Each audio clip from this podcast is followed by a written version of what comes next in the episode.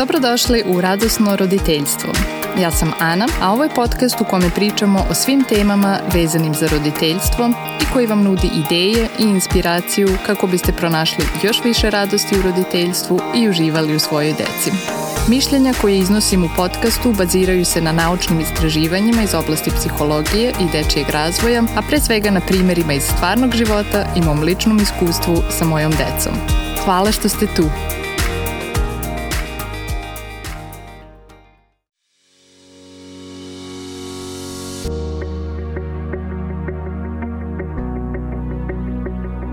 Da li se često osjećate umorno i iscrpljeno? Da li ste često iziritirani i nemate strpljenja? Da li osjećate gubitak povezanosti sa svojim detetom?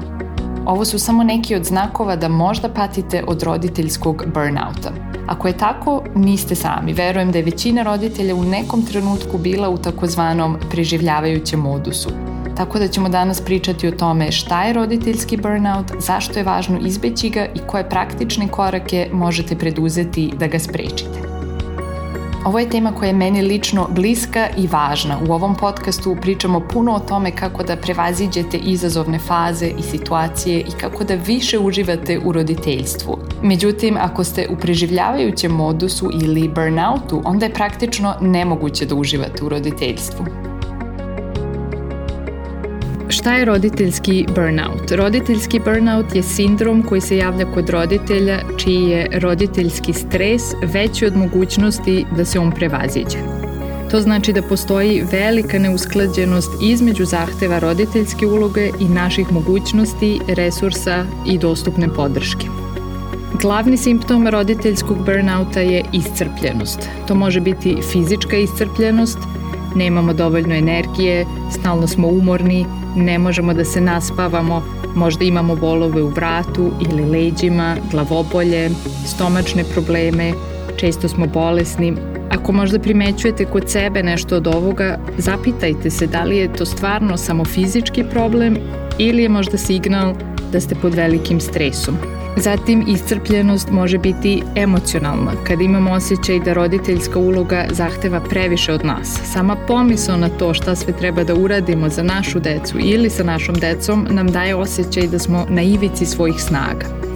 Ova iscrpljenost vodi do sledećeg simptoma roditeljskog burnouta, a to je gubitak povezanosti sa detetom i gubitak kontrole nad samim sobom. Više ne uživamo kad smo sa detetom, iziritirani smo, razdražljivi, burno reagujemo, vičemo, nemamo strpljenja, ne možemo kontrolisati svoje impulse. Želimo da nas dete ostavi na miru, da ništa ne traži od nas. Ovo su sve znaci koje bi trebalo primetiti i shvatiti kao znak da stres postaje problem. I ovaj kontrast između toga kakav smo bili roditelj ili kakav roditelj bismo želeli da budemo i kakav smo roditelj sada – može izazvati osjećaj krivice, srama, osjećaj da nismo kompetentan roditelj. Može se desiti i da postanemo jako kritični prema sebi. Taj negativan unutrašnji glas postaje glasniji kada smo u preživljavajućem modusu. Možda mislimo da nismo dovoljno dobar roditelj, da smo pokvarili sav do sada uložen trud, da će naša deca zbog toga biti oštećena. I često kada smo u tako negativnoj fazi imamo tendenciju da to prikrivamo. Možda nas je sramota, ne želimo da nas drugi vide kada nam je teško, nismo u stanju da zatražimo pomoć i postajemo izolovani i usamljeni. Koji faktori utiču na roditeljski stres? Neki faktori utiču iznenađujuće malo, na primer broj dece kao i temperament deteta. Mnogo značajniji uticaj imaju lične karakteristike roditelja. Jedan od najvećih rizičnih faktora je roditeljski perfekcionizam. Možda smo mi sami imali teško detinjstvo i želimo da sada budemo savršen roditelj svojoj deci. Roditelj kakvog smo mi želeli da imamo. Možda nas je oduševio koncept povezujućeg pozitivnog roditeljstva i prilikom praktikovanja smo potpuno zaboravili na svoje potrebe – Možda se poredimo sa drugim porodicama na društvenim mrežama koje uvek izgledaju savršeno i možda postavljamo sami sebi visoka nerealna očekivanja. Još jedna lična karakteristika koja ima veliki uticaj na roditeljski burnout je emocionalna kompetencija roditelja, odnosno sposobnost prepoznavanja, razumevanja i kontrole emocija. Roditeljstvo je teško i donosi puno emocija, tako da su ljudi koji su vešti u upravljanju emocijama mnogo manje izloženi riziku od roditeljskog burnouta. Još jedan faktor koji će u velikoj meri uticati na rizik je kvalitet odnosa koji imamo sa svojim partnerom. Ako se uzajamno podržavamo, praktično ili emocionalno, ako se slažemo u vezi sa vaspitanjem dece, imamo slične vrednosti, ako se uzajamno cenimo, to će smanjiti rizik od roditeljskog burnouta.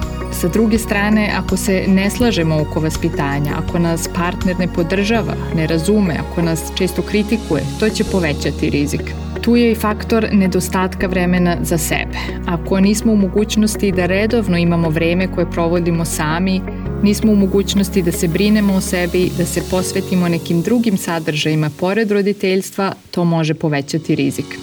Neki od ostalih faktora su materijalna situacija, nezaposlenost ili zaposlenost, nedostatak podrške okoline, kao i nedostupnost stručne pomoći. Na kraju važno je da razumemo da nijedan od ovih faktora sam po sebi nije dovoljan. Ono što zaista dovodi do roditeljskog burnouta je neravnoteža između svih faktora koji povećavaju roditeljski stres i faktora koji ga smanjuju. Dogod postoji balans između ovih faktora, osjećamo se dobro u roditeljstvu ali ako previše faktora u toku dužeg vremenskog perioda povećava roditeljski stres i nemamo dovoljno resursa da nadoknadimo taj efekat, nastaje teška, hronična neravnoteža između stresora i resursa i tu je koren roditeljskog burnouta. Ako ste se negde prepoznali, ako vam se ovo trenutno dešava, razumem vas. Znam kako je kada smo u preživljavajućem modusu i sama sam bila u njemu nekoliko puta iz raznih razloga. Možda je vaš partner odsutan ili imate finansijskih problema ili se dogodila neka velika promena, možda se selite ili ste dobili još jedno dete, možda ste nekoga izgubili i tugujete. Bilo šta što je promenilo nivo vaših resursa može vas dovesti do preživljavajućeg modusa i burnouta. I ponekad kada smo u nekoj teškoj situaciji može da se desi da se jednostavno tome prepustimo i da upadnemo u depresiju ili apatiju koja traje mesecima. Zato je jako važno da prepoznamo znake problema i reagujemo na vreme. Šta možemo da uradimo kako bismo sprečili roditeljski burnout ili izašli iz njega? Pre svega potrebno je da nas neko sasluša. I to neko ko neće reći ah to je normalno, nije tako strašno, ima i gorih stvari, budi srećna što imaš decu, to će sve brzo proći i slično. Iako je ovo u većini slučajeva izgovoreno iz najbolje namere, to nije ono što iscrpljenom roditelju koristi. Važno je da nas neko sasluša, zaista razume i ne osuđuje. Možda to može biti naš partner, ili imamo sreće pa imamo takvu prijateljicu ili prijatelja, a možda će to biti i psihoterapeut. Danas postoji puno online mogućnosti koje su veoma praktične za roditelje. Druga stvar je da pokušamo da uspostavimo ravnotežu između stresora i resursa. Ili moramo otkloniti neke stresne faktore ili dodati nove resurse. Možda ćemo pojednostaviti sebi neke stvari. Možda ćemo otkazati neke aktivnosti koje predstavljaju dodatni stres. Ili ćemo razmišljati bez čega možemo neko vreme. Možda ćemo pripremati jednostavnija jela. Možda će neki kućni poslovi morati da sačekaju. Možda će deca gledati više televiziju Čak i ako generalno pazimo da naša deca ne gledaju puno televiziju, ako nam to u ovoj situaciji da je sat ili dva da se odmorimo, da radimo vežbe, da nešto obavimo, da sa nekim razgovaramo, onda se isplatilo u tom slučaju koristiti ekrane. Zatim moramo potražiti ili prihvatiti pomoć ako je neko nudi. Svima nam je potrebna pomoć. Nije prirodno, niti je moguće da sve radimo sami. Čak i ako imamo jedno dete, to je previše za jednu odraslu osobu jer nam je potrebna pauza. Tako da ako je moguće, možda ćemo naći plaćenu pomoć. Često nismo u toj mogućnosti i onda moramo naći druge kreativne načine. Možda možemo da se menjamo sa prijateljicom, da jedne nedelje mi čuvamo decu, sledeće nedelje ona, tako da obe dobijemo par slobodnih sati Ili kod nas je neko vreme dolazila jedna devojčica od 11 godina iz Komšiluka koja se igrala sa mojom decom dok sam ja bila kod kuće. I za nju je to bio lep džeparac i jedno novo iskustvo, a sa druge strane je bilo puno jeftinije od profesionalne babysitterke. Takođe možemo očekivati pomoć i od svoje dece, naravno u skladu sa njihovim mogućnostima. Možda mogu da pokupe svoje igračke, da odnesu svoj tanjir u kuhinju posle jela, da obrišu nešto što su prosuli, sortiraju veš, da sami uzmu vodu i slično. Sve što mogu sami, možemo ih zamoliti da sami i urade. Možemo im i objasniti, na primjer, da se ne osjećamo dobro, tata nije tu, nema škole i puno bi nam značilo da svi pomognu koliko mogu. To je u isto vreme i nešto što je korisno i važno za decu, pri čemu se osjećaju sposobno i samostalno. Često kada smo u preživljavajućem modusu ne vidimo sami izlaz, ne vidimo šta možemo da promenimo, ko može da nam pomogne. Tu isto može biti korisno da zajedno sa nekom stručnom osobom pronađemo resurse i nove mogućnosti, jer one uvek postoje, ali ih nije lako uočiti na prvi pogled. I na kraju moramo prilagoditi svoje očekivanja od sebe samih svojoj aktuelnoj situaciji. Svi mi imamo očekivanja koje se odnose na to koliko bi trebalo da budemo produktivni ili koliko naša kuća treba da bude čista ili koliko strpljivi, smireni, topli roditelji treba da budemo. I ako su naša očekivanja i dalje iz vremena kada smo imali više resursa, više podrške, ako ih nismo prilagodili sadašnjoj situaciji i ako sada ne možemo da ih ispunimo, onda ćemo se osjećati neuspešno. Međutim, ono što pri tome zaboravljamo je da ako imamo visoka očekivanja, moramo imati i puno resursa, na primjer puno emocionalnih i fizičkih resursa. Znači da se dobro osjećamo fizički i psihički, finansijskih resursa, podrške okoline i slično. Tako da razmislite šta se promenilo, možda više nemate pomoć bake i deke, možda imate finansijskih problema, možda vaš partner nije tu ili nemate partnera, Možda ste zbog nečega zabrinuti, možda je neko u vašoj porodici bolestan i prilagodite svoje očekivanja tome.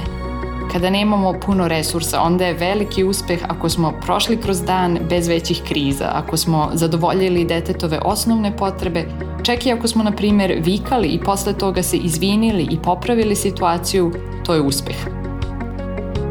Da li ste vi nekada doživeli roditeljski burnout? Ili ga možda trenutno doživljavate? Šta vam je u prošlosti pomoglo da sprečite burnout. Javite mi se, najbolji način da stupite u kontakt sa mnom je preko web stranice radosnoroditeljstvo.com.